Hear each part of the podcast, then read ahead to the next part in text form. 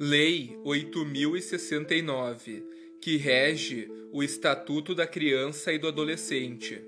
Título 1. Das disposições preliminares. Artigo 2 Considera-se criança, para os efeitos desta lei, a pessoa até 12 anos de idade incompletos, e adolescente, aquela entre 12 e 18 anos. Artigo 4 é dever da família, da comunidade, da sociedade em geral e do poder público assegurar com absoluta prioridade a efetivação dos direitos. Parágrafo único. A garantia de prioridade compreende item A. Primazia de receber proteção e socorro. Item B. Precedência de atendimento. Item C precedência na formulação e na execução das políticas sociais. Item D. Destinação privilegiada de recursos públicos. Título 2. Dos direitos fundamentais. Capítulo 1. Do direito à vida e à saúde. Artigo 8 Parágrafo 2 Os profissionais de saúde de referência da gestante garantirão sua vinculação no último trimestre da gestação, ao estabelecimento em que será realizado o parto, garantido o direito de opção da mulher. Parágrafo 4. Incumbe ao poder público proporcionar assistência psicológica à gestante e à mãe no período pré e pós-natal, inclusive como forma de prevenir ou minorar as consequências do estado puerperal.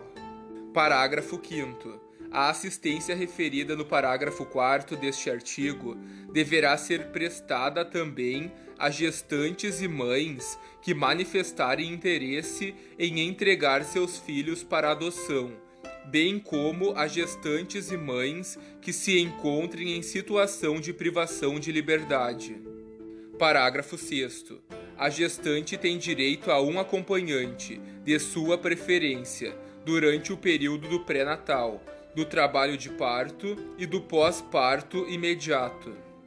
Parágrafo 9. A atenção primária à saúde fará a busca ativa da gestante que não iniciar ou que abandonar as consultas de pré-natal.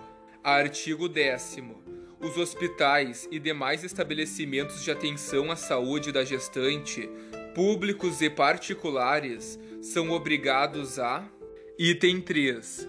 Proceder a exames visando ao diagnóstico de anormalidades. Item 4. Fornecer declaração de nascimento. Item 5. Manter alojamento conjunto. Item 1 manter registro das atividades desenvolvidas através de prontuários individuais pelo prazo de 18 anos. Item 2. Identificar o recém-nascido mediante o registro de sua impressão plantar e digital e da impressão digital da mãe, sem prejuízo de outras formas normatizadas. Item 6 acompanhar a prática do processo de amamentação, prestando orientações. Artigo 11. Parágrafo 2. Incumbe ao poder público fornecer gratuitamente àquelas que necessitarem medicamentos, órteses, próteses e outras tecnologias assistivas relativas ao tratamento, habilitação ou reabilitação para crianças e adolescentes, de acordo com as linhas de cuidado voltadas às suas necessidades especiais. Artigo 13. Os casos de suspeita ou confirmação de castigo físico, de tratamento cruel ou degradante e de seus maus tratos serão obrigatoriamente comunicados ao Conselho Tutelar. Parágrafo 1 as gestantes ou mães que manifestarem interesse em entregar seus filhos para adoção serão obrigatoriamente encaminhadas, sem constrangimento, à Justiça da Infância e da Juventude. Parágrafo 4. a criança com necessidade de cuidados odontológicos especiais será atendida pelo Sistema Único de Saúde. Capítulo 2 Do direito à liberdade, ao respeito e à dignidade. Artigo 18-A. A criança e o adolescente têm o direito de ser educados e cuidados sem o uso de castigo físico ou de tratamento cruel ou degradante, como formas de correção, disciplina, educação ou qualquer outro pretexto. Item 2. Tratamento cruel ou degradante. Item 1. Castigo físico. Ação de natureza disciplinar ou punitiva aplicada com o uso da força física sobre a criança ou o adolescente, que resulte em item A, sofrimento físico, item B, lesão. Parágrafo único. Para os fins desta lei, considera-se item 2, tratamento cruel ou degradante, conduta ou forma cruel de tratamento em relação à criança ou ao adolescente que, item A, humilhe, item B, ameace gravemente, item C, ridicularize.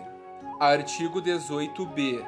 Se qualquer pessoa encarregada de cuidar de criança e de adolescente que utilizarem castigo físico ou tratamento cruel ou degradante como formas de correção estarão sujeitas, sem prejuízo de outras sanções cabíveis, às seguintes medidas, que serão aplicadas de acordo com a gravidade do caso. Item 1. Encaminhamento a programa oficial ou comunitário de proteção à família. Item 2. Encaminhamento a tratamento psicológico ou psiquiátrico. Item 3. Encaminhamento a cursos ou programas de orientação. Item 4. Obrigação de encaminhar a criança a tratamento especializado. Item 5. Advertência. Parágrafo único. As medidas previstas neste Código serão aplicadas pelo Conselho Tutelar, sem prejuízo de outras providências legais. Capítulo 3 do direito à convivência familiar e comunitária. Seção 1. Disposições gerais. Artigo 19. Parágrafo 1. Toda criança ou adolescente que estiver inscrito em programa de acolhimento familiar ou institucional terá sua situação reavaliada a cada três meses. Parágrafo 2 a permanência da criança e do adolescente em programa de acolhimento institucional não se prolongará por mais de 18 meses, salvo comprovada necessidade. Artigo 23. A falta ou a carência de recursos materiais não constitui motivo suficiente para a perda ou a suspensão do poder familiar. Parágrafo 2 a condenação criminal do pai ou da mãe não implicará a destituição do poder familiar, exceto na hipótese de condenação por crime doloso, sujeito a pena de reclusão contra outrem igualmente titular do poder familiar, ou contra filho, filha ou outro descendente. Seção 2. Da família natural. Artigo 26 os filhos havidos fora do casamento poderão ser reconhecidos pelos pais, conjunta ou separadamente, no próprio termo de nascimento, por testamento, mediante escritura ou outro documento público, qualquer que seja a origem da filiação. Parágrafo único. O reconhecimento pode preceder o nascimento do filho ou suceder-lhe ao falecimento se deixar descendentes. Seção 3. Da família substituta. Subseção 1. Disposições gerais. Artigo 28. A colocação em família substituta far-se-á mediante guarda, tutela ou adoção independentemente da situação jurídica da criança ou adolescente, nos termos desta lei. Parágrafo 1. Sempre que possível, a criança ou o adolescente será previamente ouvido por equipe interprofissional, respeitado seu estágio de desenvolvimento e grau de compreensão sobre as aplicações da medida, e terá sua opinião devidamente considerada. Parágrafo 2. Tratando-se de maior de 12 anos de idade, será necessário seu consentimento, colhido em audiência. Parágrafo 4. Os grupos de irmãos serão colocados sob adoção, tutela ou guarda da mesma família substituta, ressalvada a comprovada existência de risco de abuso ou outra situação que justifique plenamente a excepcionalidade de solução diversa, procurando-se, em qualquer caso, evitar o rompimento definitivo dos vínculos fraternais. Subseção 2 da Guarda. Artigo 33. A guarda obriga a prestação de assistência material, moral e educacional à criança ou adolescente, conferindo a seu detentor o direito de opor-se a terceiros, inclusive aos pais. Artigo 35. A guarda poderá ser revogada a qualquer tempo, mediante ato judicial fundamentado ouvido o Ministério Público. Subseção 4. Da adoção. Artigo 39. Parágrafo 2. É vedada a adoção por procuração. Artigo 40. O adotando deve contar com, no máximo, 18 anos a data do pedido, salvo se já estiver sob a guarda ou tutela dos adotantes. Artigo 41. A adoção atribui a condição de filho ao adotado, com os mesmos direitos e deveres, inclusive sucessórios, desligando-o de qualquer vínculo com pais e parentes, salvo os impedimentos matrimoniais. Artigo 42. Podem adotar os maiores de 18 anos, independente do estado civil. Parágrafo 1. Não podem adotar os ascendentes e os irmãos do adotando. Parágrafo 2. Para a adoção conjunta, é indispensável que os adotantes sejam casados civilmente ou mantenham união estável, comprovada a estabilidade da família. Parágrafo 3. O adotante há de ser, pelo menos, 16 anos mais velho do que o adotando. Parágrafo 4.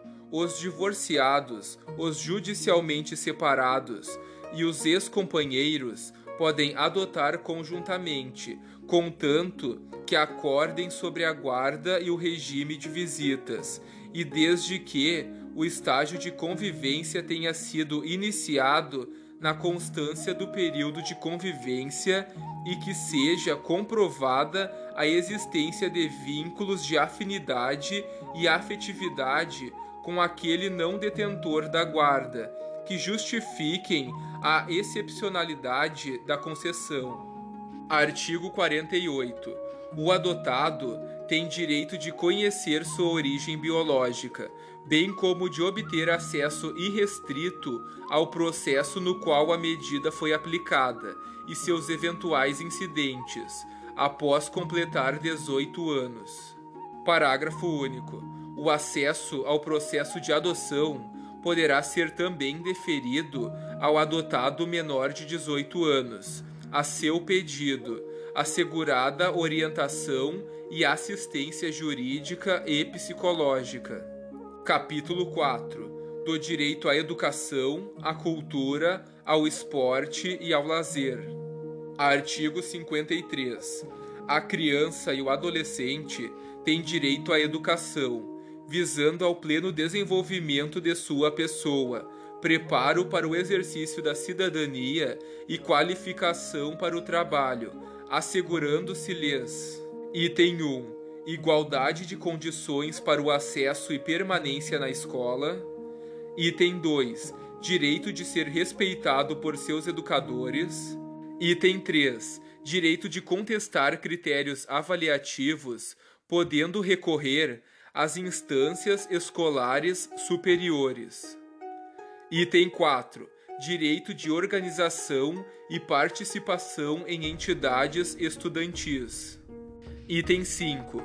Acesso à escola pública e gratuita, próxima de sua residência, garantindo-se vagas no mesmo estabelecimento a irmãos que frequentem a mesma etapa ou ciclo de ensino da educação básica.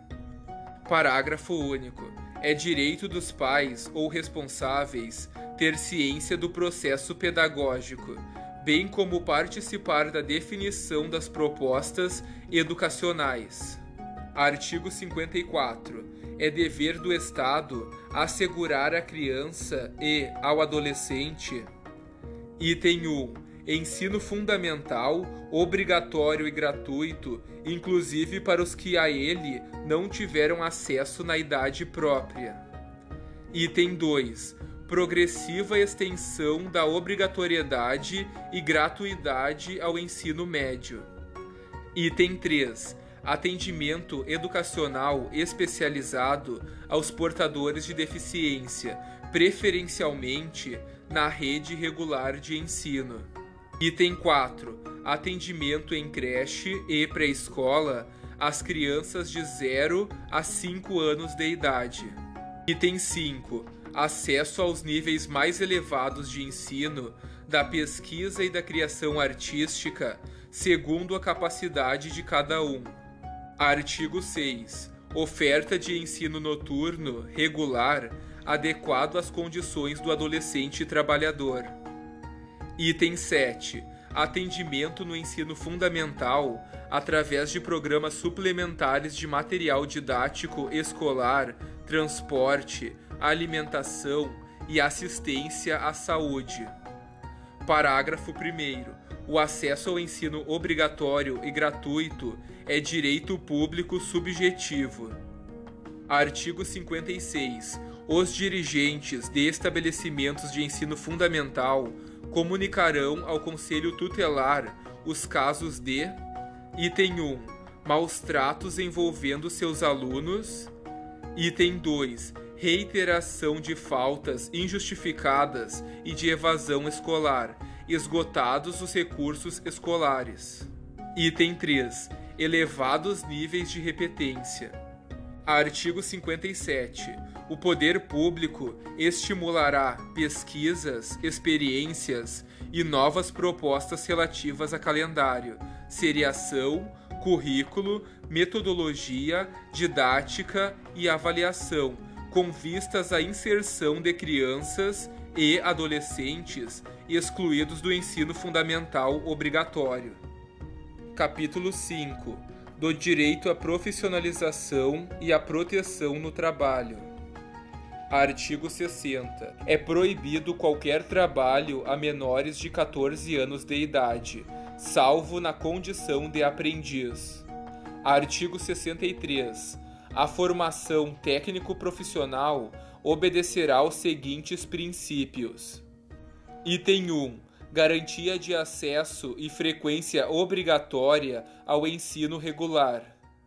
Item 2 a atividade compatível com o desenvolvimento do adolescente. Item 3. Horário especial para o exercício das atividades. Artigo 64. Ao adolescente até 14 anos de idade é assegurada bolsa de aprendizagem. Artigo 65. Ao adolescente aprendiz maior de 14 anos são assegurados os direitos trabalhistas e previdenciários. Artigo 67. Ao adolescente empregado, aprendiz, em regime familiar de trabalho, aluno de escola técnica, assistido em entidade governamental ou não governamental, é vedado o trabalho. Item 1. Noturno, realizado entre as 20 e 2 horas de um dia e as 5 horas do dia seguinte. Item 2. Perigoso, insalubre ou penoso. Item 3. Realizado em locais prejudiciais à sua formação e ao seu desenvolvimento físico, psíquico, moral e social. Item 4. Realizado em horários e locais que não permitam a frequência à escola. Artigo 69. O adolescente tem direito à profissionalização e à proteção no trabalho, observados os seguintes aspectos, entre outros: item 1. Respeito à condição peculiar de pessoa em desenvolvimento. Item 2. Capacitação profissional adequada ao mercado de trabalho. Título 3 da Prevenção. Capítulo 2 da Prevenção Especial. Seção 1 da Informação, Cultura, Lazer, Esportes, Diversões e Espetáculos. Artigo 75. Toda criança ou adolescente terá acesso às diversões e espetáculos públicos, classificados como adequados à sua faixa etária. Parágrafo único. As crianças menores de 10 anos somente poderão ingressar e permanecer nos locais de apresentação ou exibição quando acompanhadas dos pais ou responsável. Seção 2. Dos produtos e serviços. Artigo 81.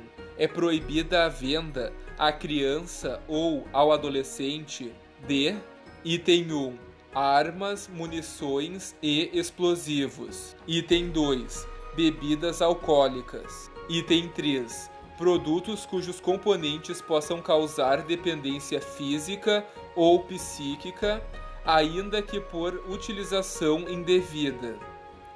Item 4.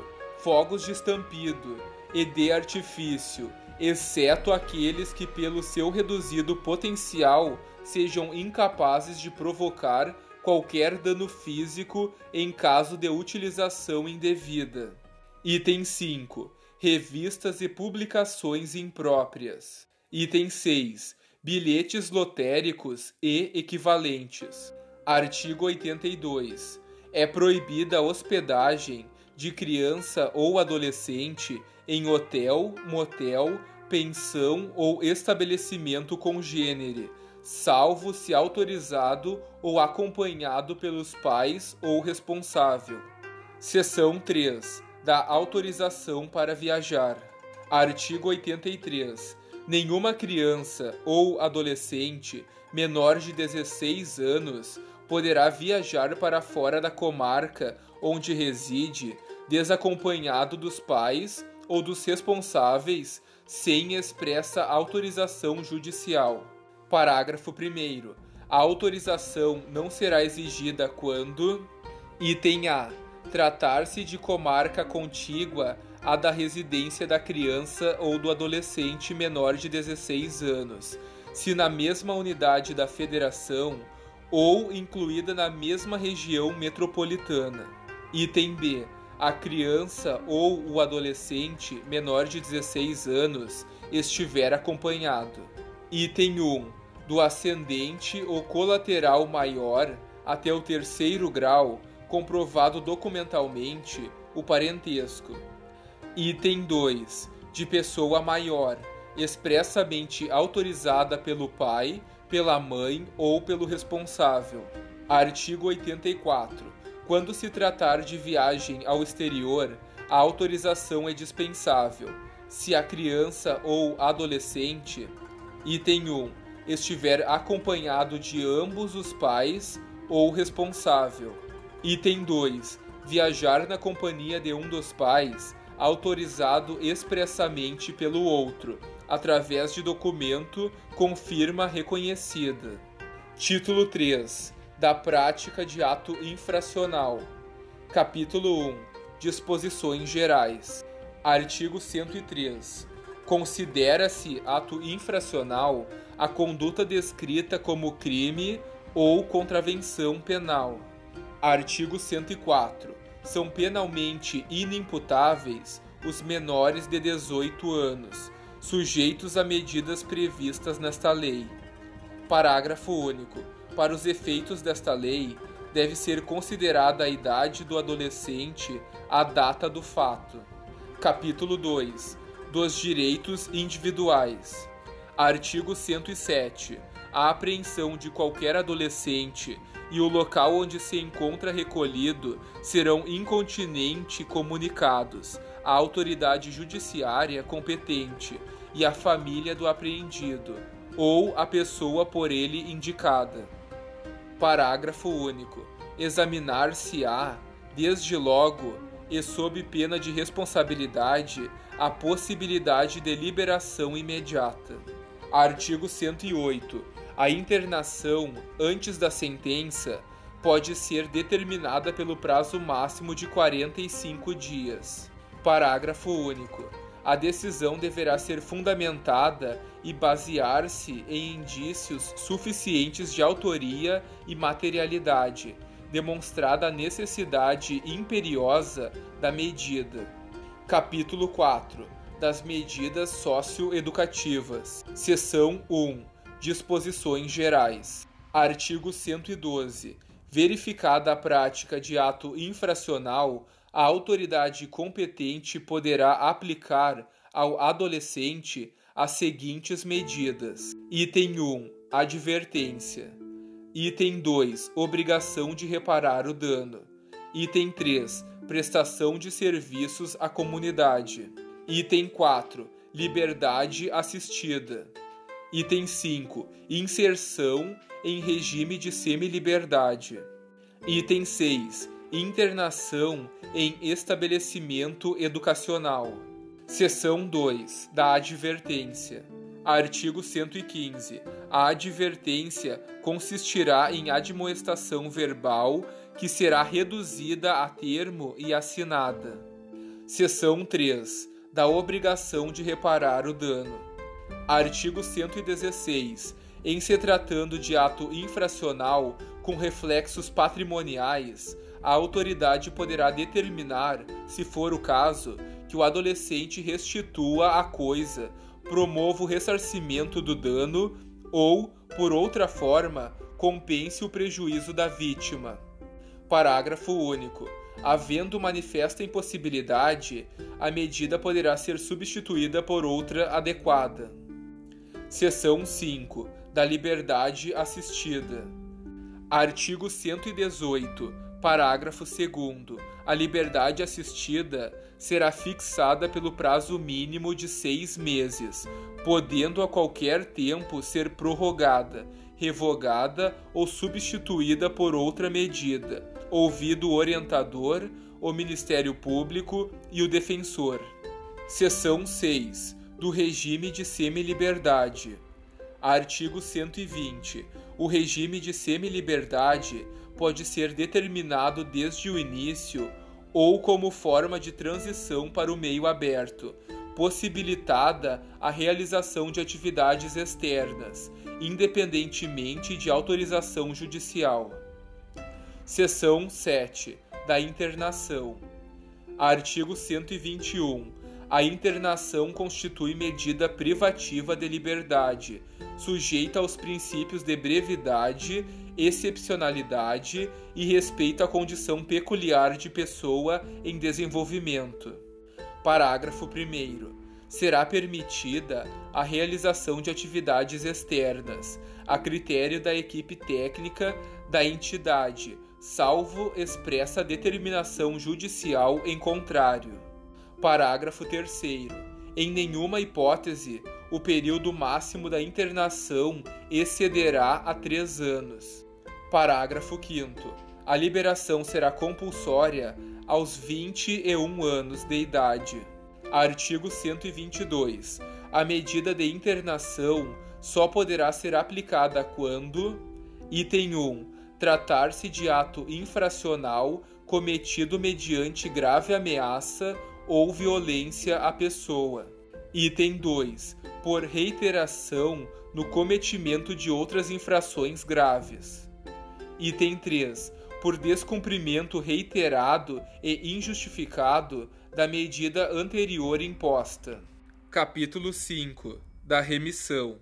Artigo 126. Antes de iniciado o procedimento judicial para apuração do ato infracional, o representante do Ministério Público poderá conceder a remissão, como forma de exclusão do processo, atendendo às circunstâncias e consequências do fato, ao contexto social, bem como à personalidade do adolescente e a sua maior ou menor participação no ato infracional. Parágrafo único. Iniciado o procedimento, a concessão da remissão pela autoridade judiciária importará na suspensão ou extinção do processo. Artigo 127. A remissão não implica necessariamente o reconhecimento ou comprovação da responsabilidade, nem prevalece para efeito de antecedentes, podendo incluir eventualmente a aplicação de qualquer das medidas previstas em lei, exceto a colocação em regime de semi-liberdade e a internação. Artigo 128. A medida aplicada por força da remissão poderá ser revista judicialmente a qualquer tempo mediante pedido expresso do adolescente ou de seu representante legal, ou do Ministério Público. Título 4. Das medidas pertinentes aos pais ou responsável. Artigo 129. São medidas aplicáveis aos pais ou responsável. Item 1 encaminhamento a serviços e programas oficiais ou comunitários de proteção, apoio e promoção da família. Item 2. Inclusão em programa oficial ou comunitário de auxílio, orientação e tratamento a alcoólatras e toxicomanos. Item 3. Encaminhamento a tratamento psicológico ou psiquiátrico. Item 4. Encaminhamento a cursos ou programas de orientação. Item 5. Obrigação de matricular o filho ou pupilo e acompanhar sua frequência e aproveitamento escolar. Item 6. Obrigação de encaminhar a criança ou adolescente a tratamento especializado. Item 7. Advertência. Item 8. Perda da guarda. Item 9. Destituição da tutela. Item 10 suspensão ou destituição do poder familiar. Artigo 130. Verificada a hipótese de maus tratos, opressão ou abuso sexual impostos pelos pais ou responsável, a autoridade judiciária poderá determinar, como medida cautelar, o afastamento do agressor da moradia comum. Parágrafo único. Da medida cautelar constará ainda a fixação provisória dos alimentos de que necessitem a criança ou o adolescente, dependentes do agressor. Título 5 do Conselho Tutelar. Capítulo 1 Disposições Gerais. Artigo 131. O Conselho Tutelar é órgão permanente e autônomo, não jurisdicional, encarregado pela sociedade de zelar pelo cumprimento dos direitos da criança e do adolescente, definidos nesta lei. Artigo 132. Em cada município e em cada região administrativa do Distrito Federal haverá, no mínimo, um conselho tutelar, como órgão integrante da administração pública local, composto de cinco membros escolhidos pela população local para mandato de quatro anos, permitida a recondução por novos processos de escolha. Artigo 133. Para a candidatura a membro do Conselho Tutelar serão exigidos os seguintes requisitos: Item 1. Reconhecida idoneidade moral. Item 2. Idade superior a 21 anos.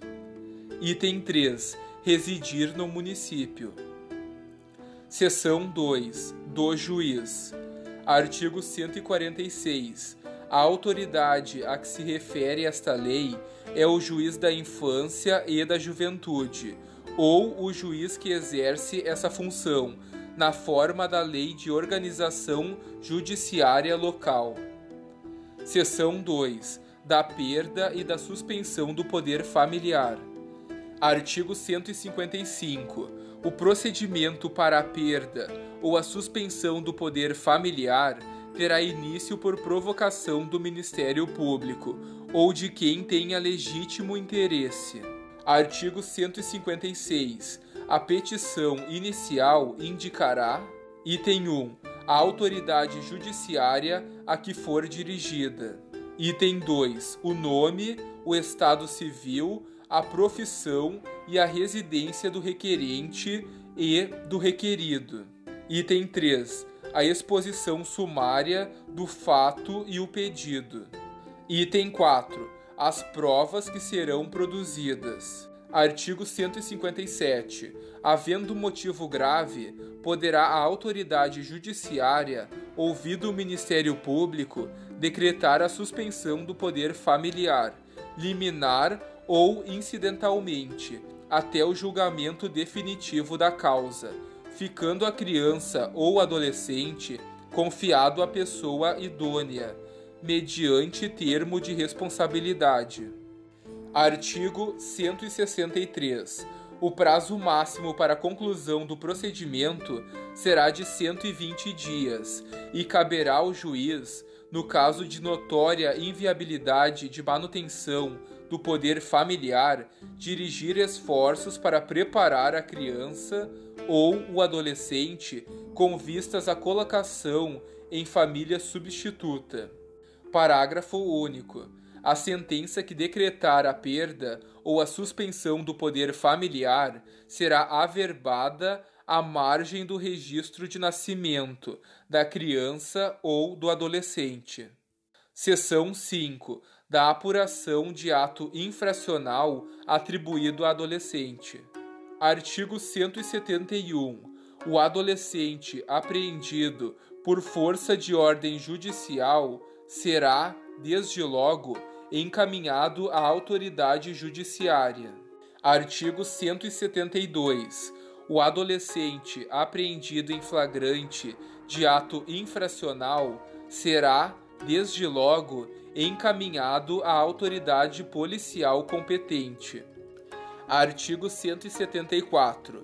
Comparecendo qualquer dos pais ou responsável, o adolescente será prontamente liberado pela autoridade policial, sob termo de compromisso e responsabilidade de sua apresentação ao representante do Ministério Público, no mesmo dia ou, sendo impossível, no primeiro dia útil imediato, exceto quando pela gravidade do ato infracional e sua repercussão social, deva o adolescente permanecer sob internação para garantia de sua segurança pessoal ou manutenção da ordem pública.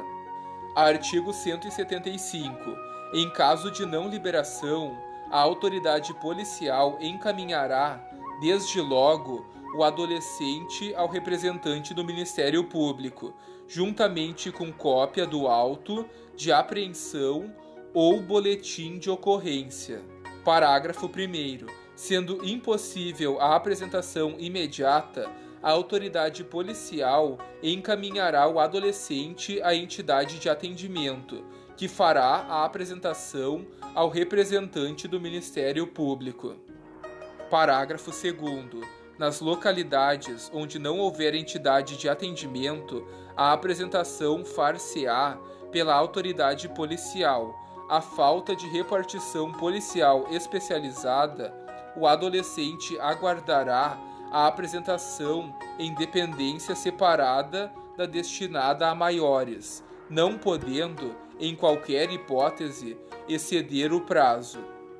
Artigo 178 o adolescente a quem se atribua autoria de ato infracional não poderá ser conduzido ou transportado em compartimento fechado de veículo policial, em condições atentórias à sua dignidade ou que impliquem risco à sua integridade física ou mental, sob pena de responsabilidade.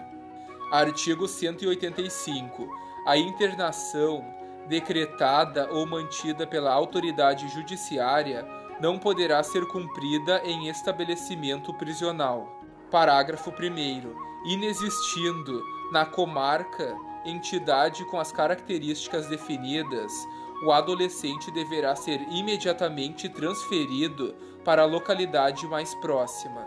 Parágrafo 2. Sendo impossível a pronta transferência, o adolescente aguardará sua remoção em repartição policial, desde que em seção isolada dos adultos e com instalações apropriadas, não podendo ultrapassar o prazo máximo de cinco dias. Seção 5A da infração de agentes de polícia para a investigação de crimes contra a dignidade sexual de criança e de adolescente. Artigo 190-A. A infração de agentes de polícia na internet obedecerá às seguintes regras. Item 1. Será precedida de autorização judicial devidamente circunstanciada e fundamentada, que estabelecerá os limites da infiltração para obtenção de prova, ouvido o Ministério Público. Item 2. Dar-se-á mediante requerimento do Ministério Público ou representação de delegado de polícia e conterá a demonstração de sua necessidade, o alcance das tarefas dos policiais, os nomes ou apelidos das pessoas investigadas e, quando possível, os dados de conexão ou cadastrais que permitam a identificação dessas pessoas. Item 3. Não poderá exceder o prazo, sem prejuízo de eventuais renovações, demonstrada sua efetiva necessidade, a critério da autoridade judicial. Parágrafo 1. A autoridade judicial e o Ministério Público poderão requisitar relatórios parciais da operação antes do término. Parágrafo 3. A infiltração de agentes de polícia na internet não será admitida se a prova puder ser obtida por outros meios. Artigo 190-C. Não comete crime o policial que oculta a sua identidade para, por meio da internet, colher indícios da autoria e materialidade do crime. Parágrafo único o agente policial infiltrado que deixar de observar a estrita finalidade da investigação responderá pelos excessos praticados. Artigo 190-E. Concluída a investigação, todos os atos eletrônicos praticados durante a operação deverão ser registrados, gravados, armazenados e encaminhados ao juiz e ao Ministério Público juntamente com relatório circunstanciado.